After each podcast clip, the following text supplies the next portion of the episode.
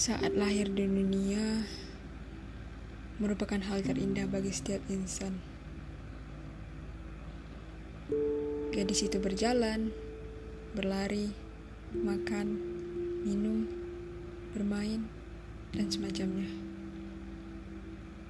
Merasa ialah manusia satu-satunya paling beruntung di dunia. Ditemani jari jemari dan lembut yang senantiasa menggenggam dan menuntunnya menghadapi kehidupan. Bu, anak kecil tadi sudah besar. Dia sudah tumbuh seperti bunga yang baru saja mekar. Sekarang, kepalanya berisikan banyak hal yang belum bisa saya pecahkan sendiri. Ia bukan malu meminta bantuanmu untuk menyelesaikan masalahnya. Namun ia terlalu tak sampai hati melihatmu yang sudah termakan usia ikut menyelesaikan masalahnya yang sedemikian rumit. Walau kau melaluinya lebih dulu. Bu, gadis kecil tadi tak lagi menggunakan kupluk rajut seperti biasanya. Ia sekarang sudah hampir melupakan hal favoritnya itu selain musik tentunya. Alasannya bukan tak mau menggunakan. Hanya ia takut menjadi orang yang berbeda dari yang lain.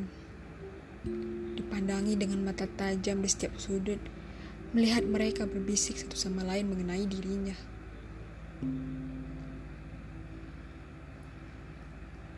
Semakin hari gadis kecilmu bukan menjadi dirinya. Entah jiwa mana yang merasukinya sekarang. Sangat susah mengeluarkan kepribadian ini dari dirinya. Bu,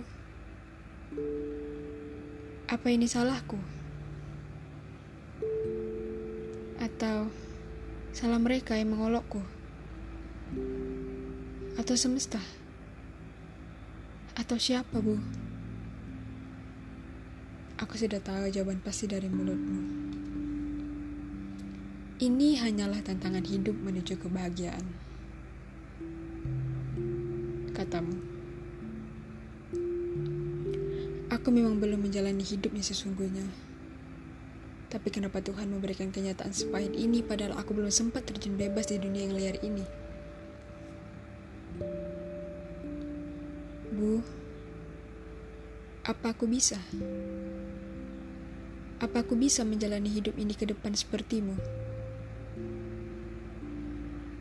Aku takut akan terpaksa berhenti di tengah jalan. Apalagi jika kau sudah meninggalkan bumi. Pada siapa lagi kelak akan kuminta bantuan, Bu? Seandainya saja umurmu dan umurku sama. Mungkin kita bisa pergi menghadapnya bersama. Tapi itu jelas tak mungkin.